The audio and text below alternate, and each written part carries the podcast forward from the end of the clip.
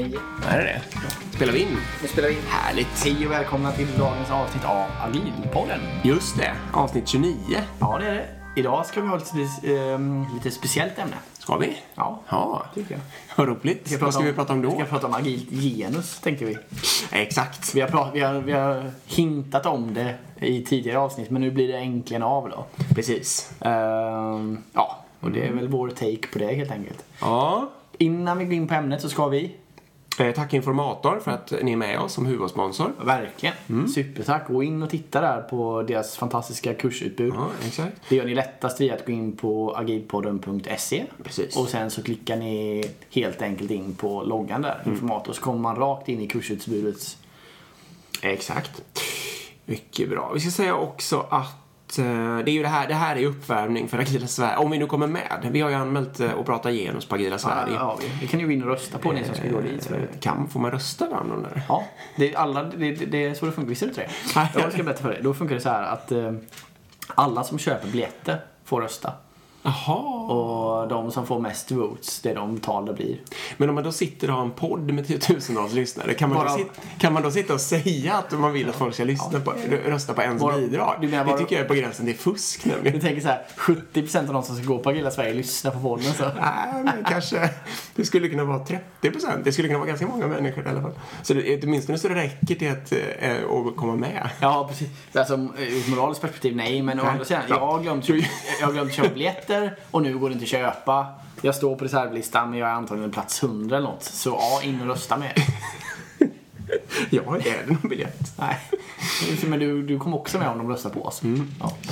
Ehm, nu ska vi se här. Bra, var är vi någonstans?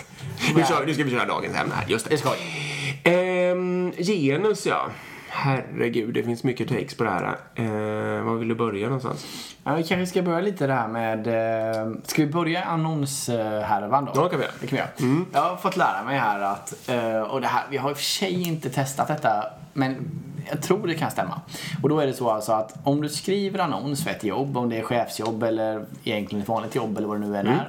Om du skriver då en specifik kravlista där, du ska ha fyra till fem års erfarenhet av det här liksom. Du ska ha den här utbildningen, du ska ha det här och det här och det här och så Precis. vidare. Så gör du en kravlista på 5 till 10 saker någonting.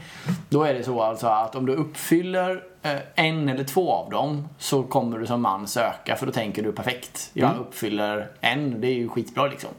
Det här är ett jobb för mig. precis. Men kvinnan däremot, om en inte är uppfylld Precis. så kommer hon inte söka. Nej. Eh, Nu sa du ju stereotyperna då, men om man tittar på stora, det finns ju forskning som visar här, om man tittar på stora populationer så visar det sig att det typiskt eh, kommer fler kvinnor att bete sig på det andra sättet du sa och fler män på det första då liksom. Eh, så att precis, så eh, om man vill ha, så, om man har en typiskt manligt dominerad, eh, det här kanske vi har pratat om förut.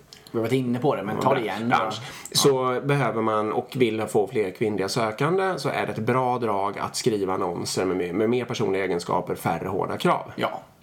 Och jag menar, vem är intresserad av de där hårda kraven?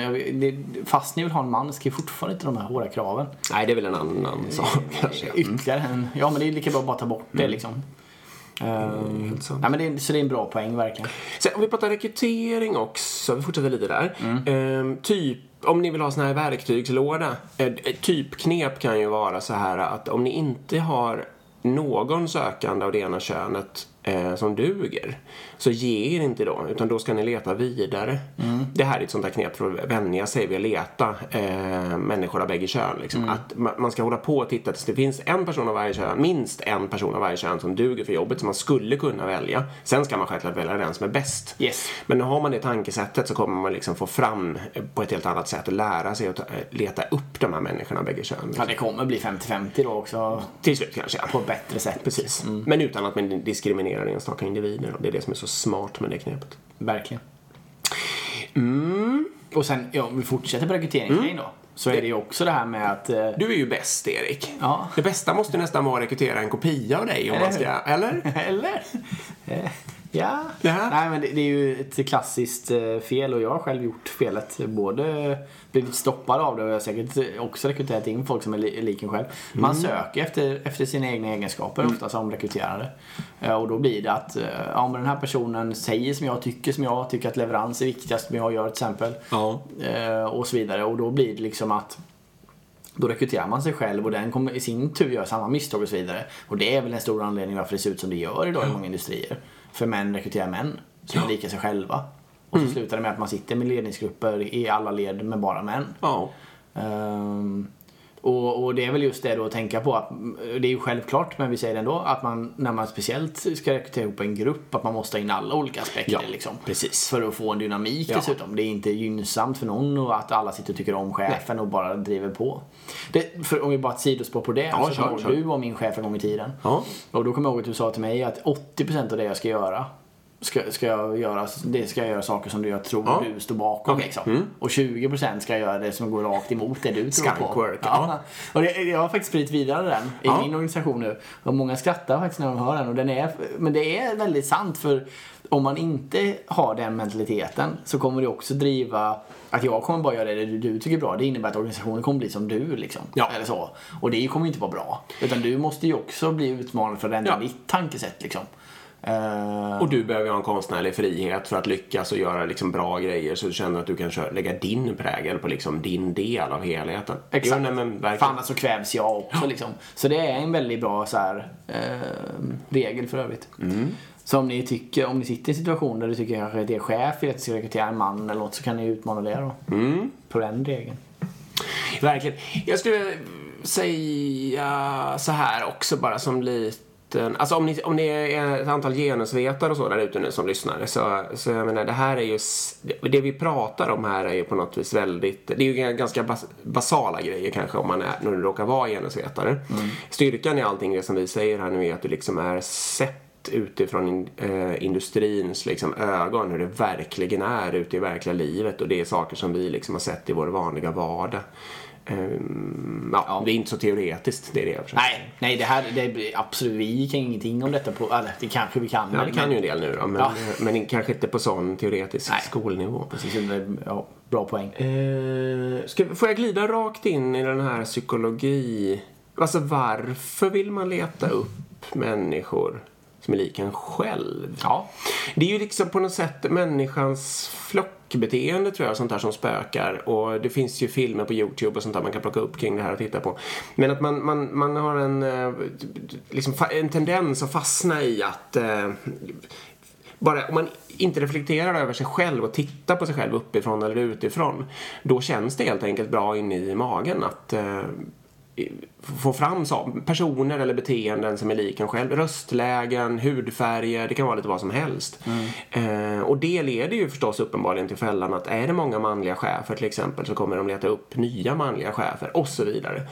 Och och det där, det är ju lite självklart när jag säger det så med kön och så. Men om jag, ja, om jag hoppar till röstläget då. Det finns ju liksom en tendens att eh, kvinnor Eh, uppfattas som skrikiga, lite obekväma. Att de liksom är tvungna att eh, tona ner sig och massa sådana saker. Medan en manlig röst uppfattas som trygg. Eh, Stark. stark, säker, lugn och skapar liksom ordning och reda. Såna här saker. Tydlig och så vidare. Mm. Ja, och, och, och det, är ju, det är ju livsfarligt för att väldigt många människor har undermedvetet eh, känner ungefär som det som jag just sa men utan att liksom själva se det. Och då fattar man ju helt enkelt inte bra beslut. Ehm, så min poäng är egentligen bara tänk på detta och titta på såna här uh, unconscious bias heter det ju på engelska. Eh, sök på det på Youtube till exempel och liksom sätter in i den frågan och börja bli medvetna om era egna sådana fördomar och så vidare. Eh, olikhet berikar eh, och, och liksom, eh, fast, det, fast det känns ointuitivt och otäckt helt enkelt. Nej, men jättebra. Fyndmarknaden då? Fyndmarknaden, ja. Alla sitter ju... Det blir lite hoppigt mellan olika typer här, men det är okej. Eh, fyndmarknaden är ju lite att alla sitter ju på jätteproblem att rekrytera. Speciellt nu när vi är inne i världens högkonjunktur här. Så sitter ju alla vi liksom, som rekryterar i problem och hittar folk. Det är jättesvårt. Ja. Och speciellt kanske också svårt att hitta chefer. Ja. Ehm, och grejen är att ofta så sitter man redan på otroligt bra chefer Mm. som inte är chefer. Nej, varför är de inte det? Ja, det kan du Ja, det är det vi pratar om här, Det men- kan du få svar på. Ehm, ja, precis. Nej, men fortsätt på fynd. Mm, Eller ska vi ta... Ja, men okej då. Eh, Varför... Om vi nu pratar... Vi, det är ju gener som är dagens ämne. Det kan vara andra saker också. Men, men om vi håller oss till det. Ehm, ett typexempel så här kan ju vara då att kvinnor, det här är återigen inte någon sån här sanning ner på individuell nivå, eh, men kvinnor kan ju typiskt inte uppfatta, kan du, det kan vara så att kvinnor typiskt inte uppfattar sig själva som chefskandidater, de uppfattar inte att de själva duger för det här svåra jobbet, eh, medan det typiska manliga beteendet är att kliva fram eh, när personen liksom bara nästan är redo och, och säga att ja, men jag vill ha det här. Och, eh, och det betyder ju då att de gör, för i och med att chefsjobb väldigt ofta ehm, lite bygger på att personer ska vara framåt och marknadsföra sig själva, chefsrekryteringar, så ligger det då ett antal sådana här fynd under stenarna om man bara går runt och vända på dem, men som inte hoppar fram av egen kraft liksom.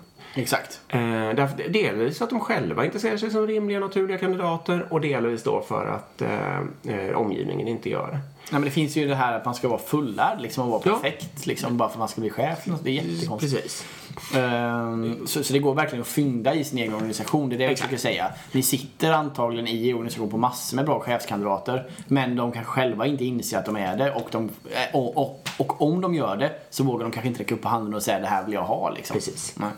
Självklart är det också en odlingsfråga. Eh, Om du hittar en person, med- du ser själv att den har ledaregenskaper men den har själv inte tänkt den här tanken de senaste fem åren eller inte liksom riktigt vågat ta tag i det. Eh, Då är det inte säkert att det är ett bra drag att göra den till chef dagen efter du kommer på idén. Utan då kan det vara en fråga om att odla och peppa, sätta in en coach, skicka på utbildningar och så vidare och få den att vänja sig vid tanken och sådär. Eh, Så det vi säger är inte att man alltid ska liksom forcera det heller utan det måste fortfarande bli en del av individens utveckling. Ja, absolut. Men, men, men det är därför börjar det redan idag. Det finns ingen anledning att vänta. Liksom, verkligen.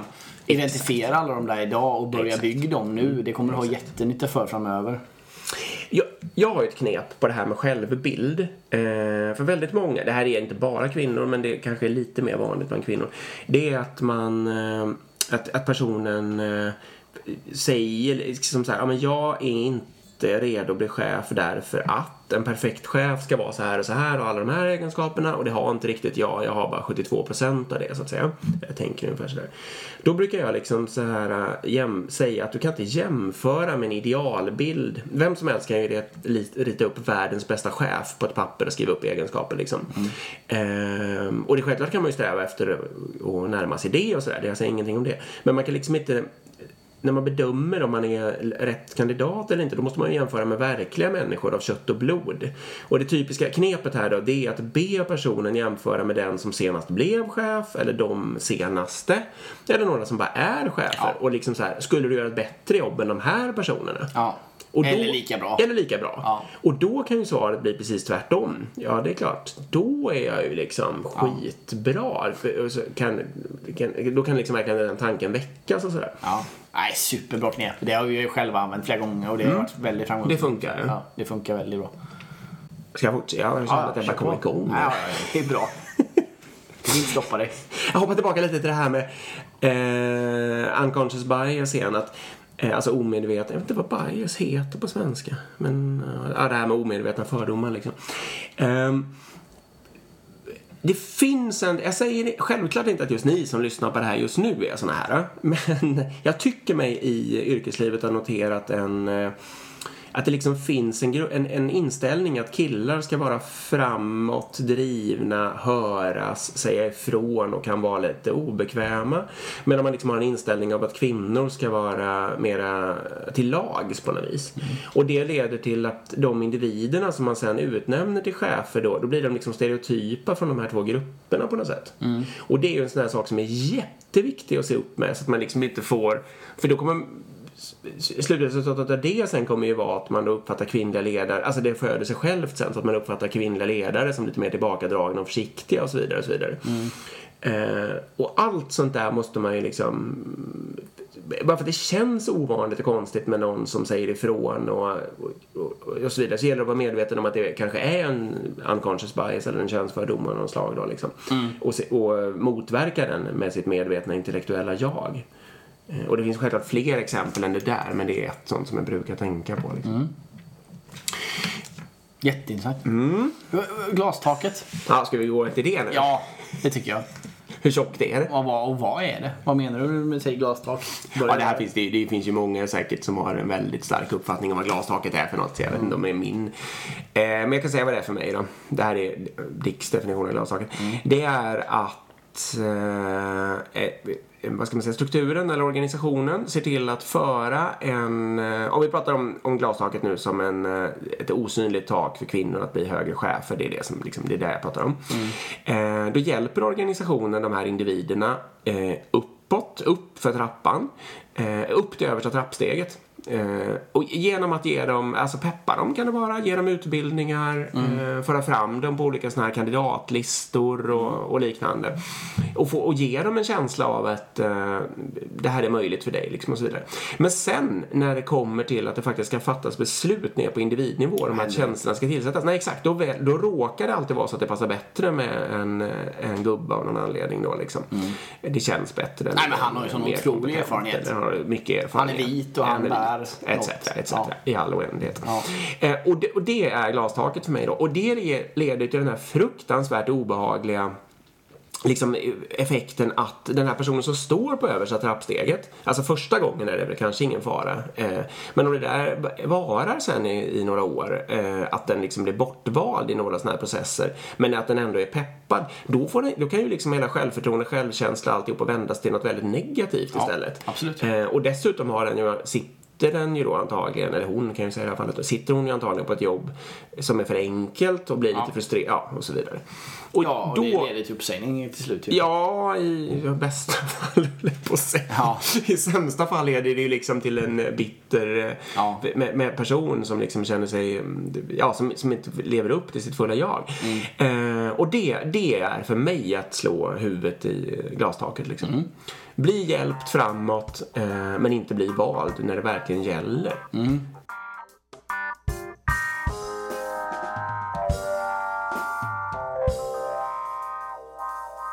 Kan vi säga något om språk och de här? Då? Det är klassiskt. Det är väl lite som annonsgrejen Ja. där. Alltså, Basic. man, man eh, säger han om chef Ja. och så vidare. Om läkare och chefer. Ja. Eh, hon om sjuksköterska liksom. Ja. Gör inte det helt enkelt. Nej, försök undvika ja, och det här är ju lite lurigt för det kan bara, ibland kan det nästan kännas lite löjeväckande. Ordet hen är ju en sån som många har svårt för liksom. De tycker Ja. att det är fånigt på olika sätt och sådär. Och det kan man väl få tycka. Ehm, själv så har jag nog ibland tänkt att jag vill undvika att använda ordet man som i, man brukar säga och sådana saker. Fast jag har gett upp för att jag, det klarar jag inte riktigt. Jag, men jag försöker att göra det lite mindre och tänka mig för. Inte alltid göra det så här, i alla fall. Så liksom, ge akt på era språk. Låt det vara lite löjligt ett tag eller liksom ta tag i det och, och även om det känns lite obekvämt så prova åtminstone i vissa sammanhang att använda ett annat språkbruk. Och akta er verkligen just för den där att alltid säga han om chefen och, och det här. Och där vill jag också inflika det här med även när ni ritar, om ni ritar eh, små figurer för att representera personer eh, så ger ju en, sån här, en vanlig streckgubbe ger ju intrycket av eh, man som bara är streck och en sån här kjol eh, eller klänningsstreckgubbe ger ju intrycket av kvinna.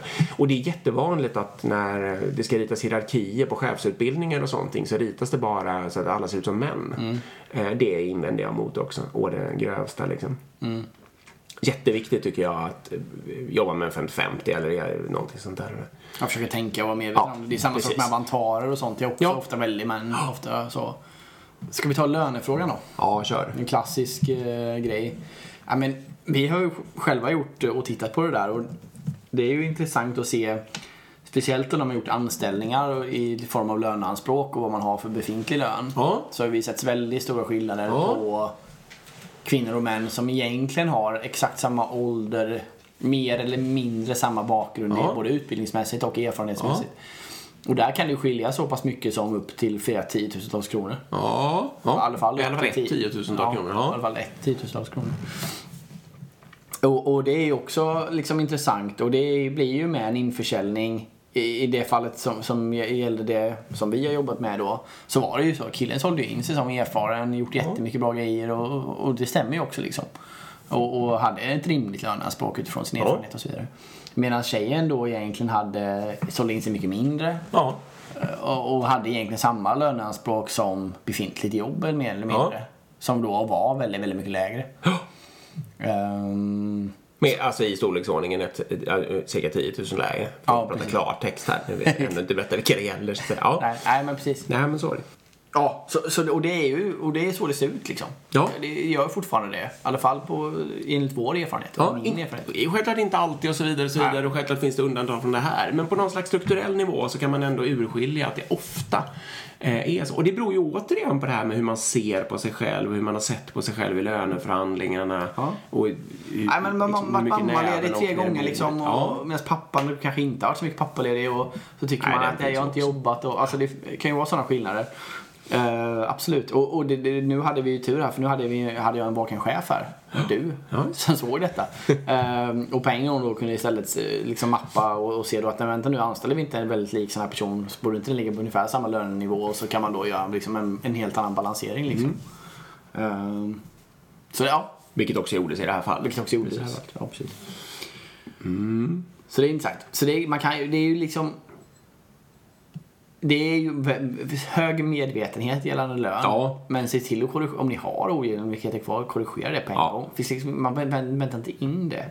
Utan korrigera det på en gång. Sen självklart kan man, viktig poäng att säga här ju är att det ska vara eh, baserat på, alltså alla ska inte ha samma lön för man har samma kön. Liksom. Utan det måste ju fortfarande vara kompetensbaserat. Någon som har mer erfarenhet ska ha högre lön och så vidare. Eller någon som gör ett bättre jobb ska ha en högre lön än någon annan.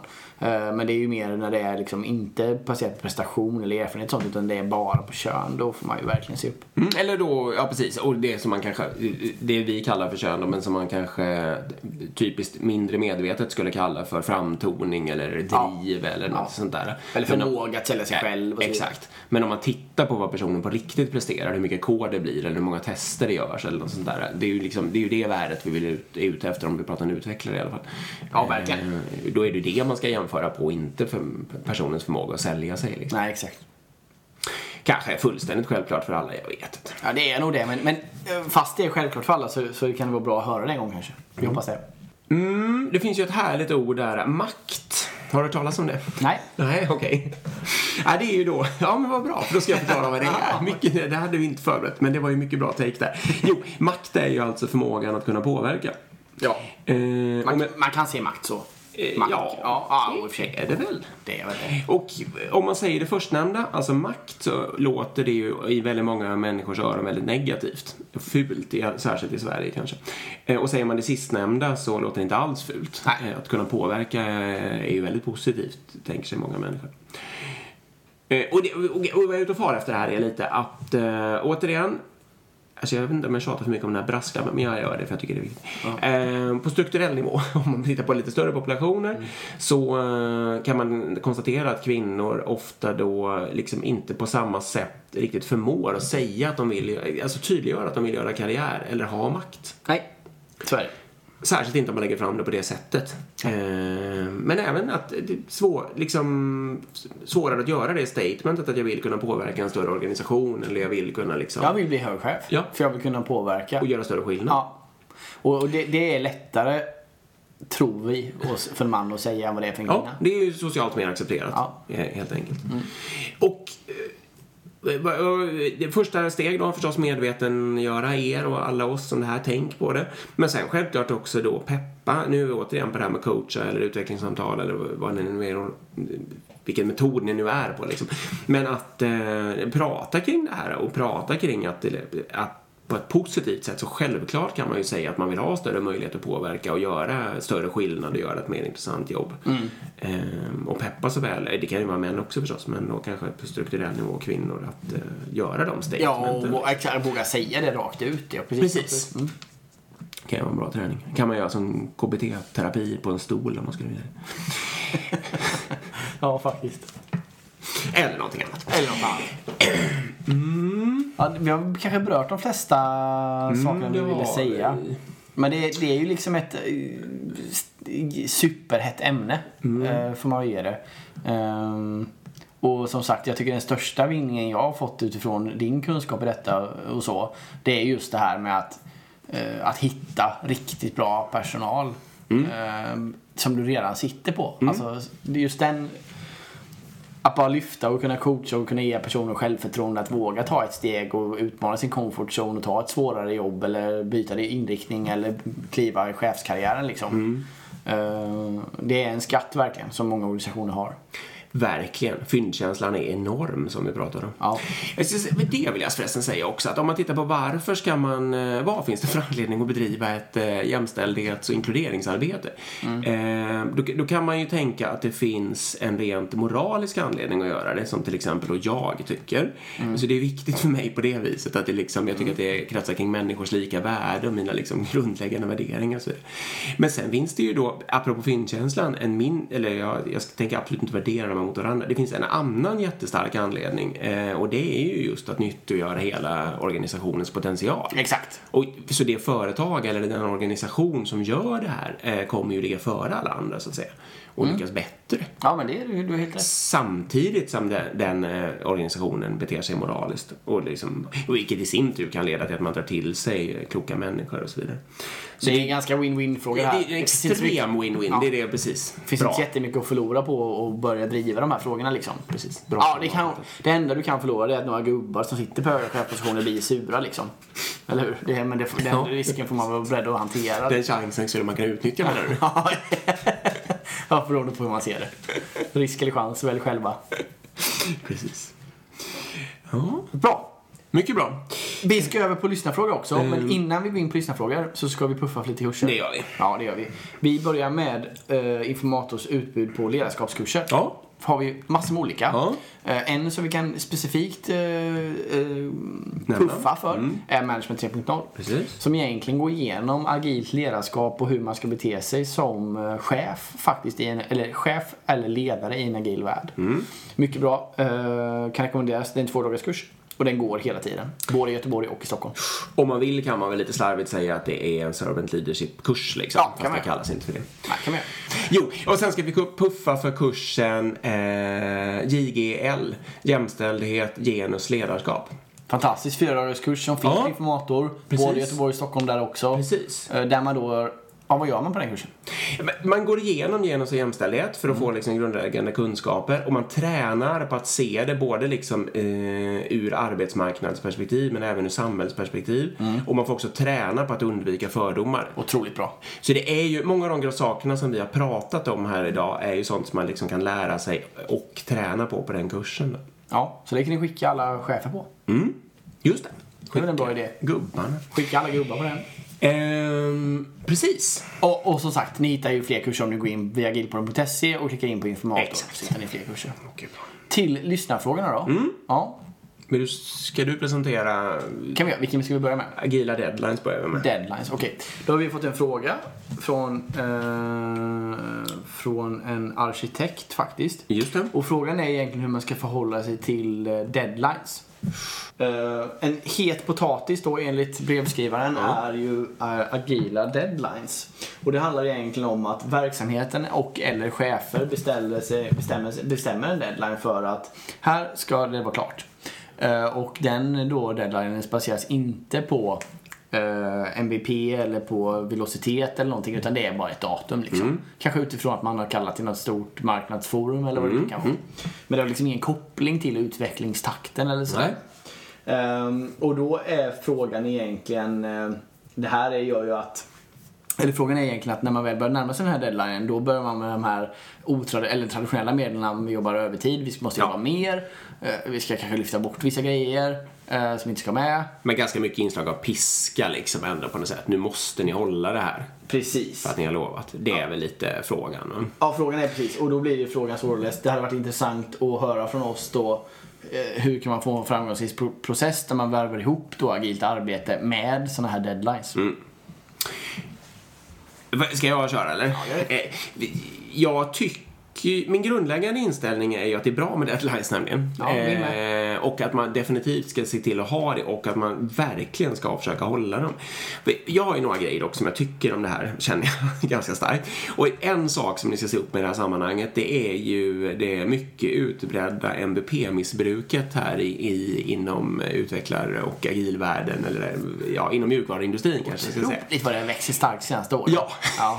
för att det här ordet MVP, det betyder alltså minimum viable product Ja. och kommer egentligen, tror jag, från lean startup-världen. Tror jag också. Och, att, och där betyder det liksom att man måste, man måste ha en känsla för när man har det absolut minsta möjliga men som ändå är användbart och då ska man gå live med det och börja ta betalt för det liksom.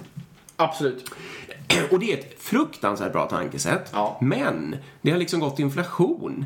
Så att numera är det liksom på något vis okej att eh, definiera de här MVP-nivån så att den innehåller allt som just jag tycker verkar fiffigt och viktigt. Och så gömmer jag det under etiketten MVP och vägrar då på något vis att eh, prioritera det här i backloggen. Exakt. Och det är liksom helt, det förstör ju hela grundtanken. Men sen är Då- också MVP är ju dessutom en hel applikation numera. Det, alltså, Ja. det är ju all funktionalitet med lullull och allting. Och, och så ska, äh, MVP ska ju vara, det ska vara, man ska ju ha hela backloggen, den innehåller liksom 667 stycken eh, items. Och då måste man ju liksom titta på exakt de items som verkligen behövs för att man ska kunna ta betalt för det här. Och det kanske bara är 29 stycken liksom. Exakt. Eller 103 eller inte vet jag. Nej. Men, och, så, om man nu vill prata om MVP då måste man göra det ur en liksom, puritansk synvinkel och inte missbruka det. Det är min första poäng. Ja, eh, annars kan man lika väl skita i att prata om det bara jobbar med en backlog. Men det är en sån här grej som Safe, återigen, verksamheten älskar MVP. Ja. Lätt att ta Ja. åt sig, man kan Ja. knyta massor med grejer till det. Det, behöver vi kalla, det köper vi liksom. Och då blir det istället att man bakar ihop det till någon slags,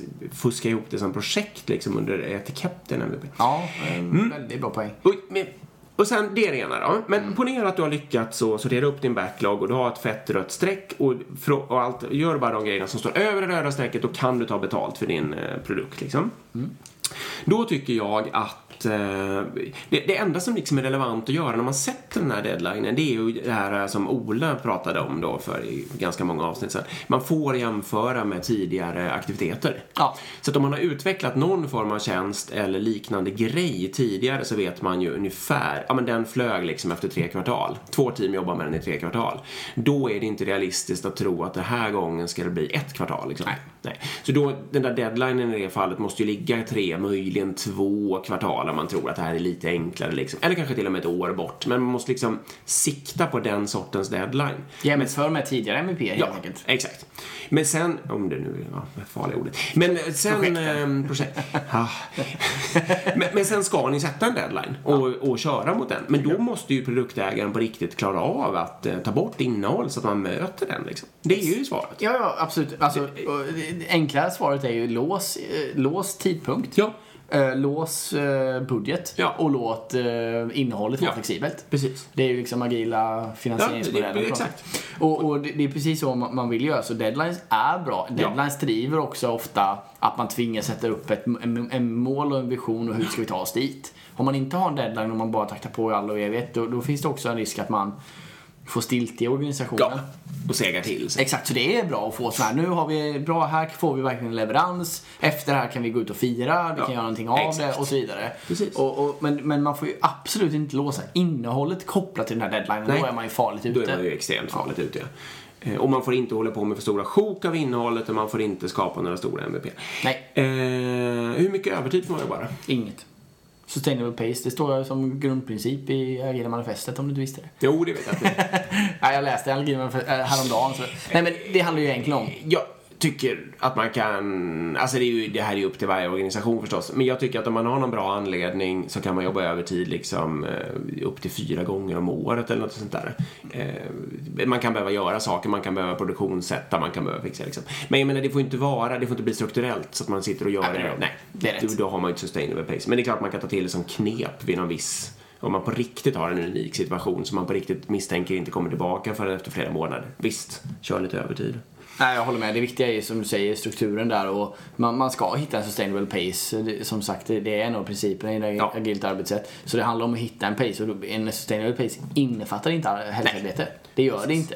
Och om det är en aktivitet som innefattar det, då ska det vara en incident som man verkligen bedömer att det här händer var tionde år eller någonting. Ja, det en incident som, eller ja, femte eller annat. ja, Precis, för, för är det en incident som, eller någonting som gör att ja, men det här händer fem gånger om året, då är det inte lösningen att börja jobba helg. Då måste man hitta root cause och lösa problemet istället.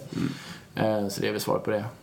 Ja, så jobba gärna med deadlines, men koppla det då som sagt till tidigare erfarenhet. Hitta inte på deadlines utifrån ingenting. Nej.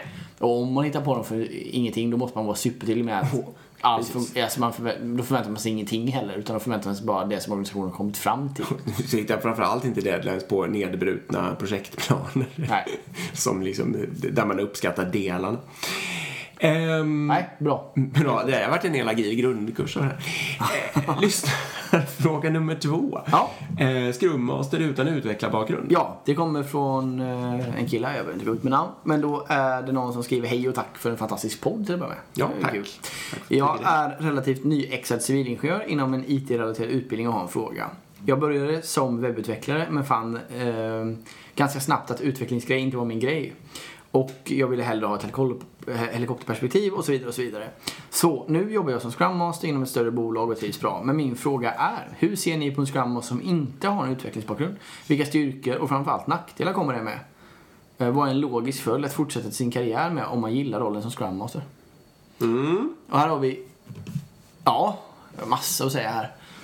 För, första, för det första, jag är fortfarande av den stora förkärleken till dedikerade Scrum Masters. Alltså Scrum Masters som inte gör något ut, alltså, direkt arbete Ofta i teamet. bra, ja. Mm. Ja. Och om man, man ska jobba med t-shapes och så vidare så absolut, det är jättebra om man knoppar in och hjälper till med automatisering av test eller någonting också. Mm. Men, men jag menar, jag tycker stort del av T1 ska vara just Scrum Masteriet. Eh, och just därför så tycker jag många gånger också att, och sen, eller om vi backar ytterligare, tar ytterligare en aspekt så är det också att, jag menar som Scrum så säger man ju processarbetet liksom. Hur får man teamet att leverera mer? Hur får man dem att få de förutsättningar som finns och så vidare.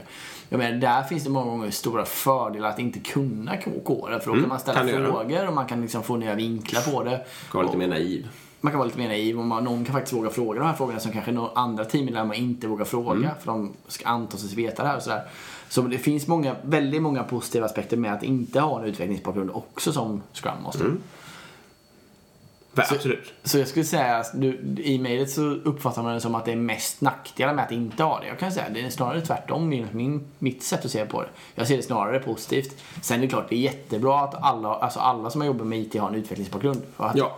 för att ha grundläggande kompetens om hur kod funkar och hur det, liksom, deploymentprocessen ser ut. Ja. Och det är bra såklart, men Nej, så att svaret är ja, det går väl alldeles utmärkt. Och om man tittar liksom, jag tycker det är lite som med chefer och sådana här professioner, att det är bra att ha en blandning liksom. ja. Eh, man, om man har en population av Scrum Master så är det kanske olämpligt om ingen har ba- utvecklarbakgrund. Ja. Men det vore också olämpligt om alla hade det liksom. Ja. Så det, det är jättebra att det finns folk med olika intressen. Verkligen. Så, det, jag tycker verkligen, om du känner att din drivkraft är Scrum Masteriet och du tycker det är roligt, då ska du absolut inte gå tillbaka och koda. Nej, precis. Nästa karriärsteg då för en Scrum Master? Ja, här pratade vi ju med, i förra avsnittet med eh, Safe där och Karl. Om att det, det, och jag upplevde också det som ett problem som, som chef att i den här Scrum Teams-världen så är det svårt med just karriärsteg. Alltså vad är nästa steg för en utvecklare ett utvecklingsteam? Ja, du kan ju göra andra produkter, du kan liksom göra mer startup-grej eller du kan sådär. Men det är ju väldigt liksom ganska likt i sin kontext liksom. Ehm, många gånger idag, så som det ser ut, så är ju många företag i en transformation. Ja. Eh, Försöker att bli agila. Och där behövs det ju ofta väldigt mycket coachning liksom, av ja, agila arbetssätt. Så det är mer agil coach då. Mm. Ja, Om man, lyfter, sig- man lyfter sig kanske från teamnivå och tittar mer på ledningsgrupper. Man kan titta på hela organisationsstruktur. Hur ska vi jobba med eh, inköp? Hur ska vi jobba med marknad, sälj? Och Ja. få liksom helhetsorganisationen så. Det kan man ju liksom se som ett nästa steg då. Precis. Och lyfta liksom frågan. Eh, mm. Vad tycker du? Ja, eh, jag håller med dig. Och jag tycker att chef förstås är möjligt, definitivt. Jag tycker också att man inte ska vara rädd för, om man är på ett lite, en större organisation, eh, att det är ju absolut en fördel om folk flyttar från utvecklingsorganisationen till marknadsföring och sälj, så att säga. Ja. Och vice versa. Så man får upp förståelsen i de olika verksamhetsbenen.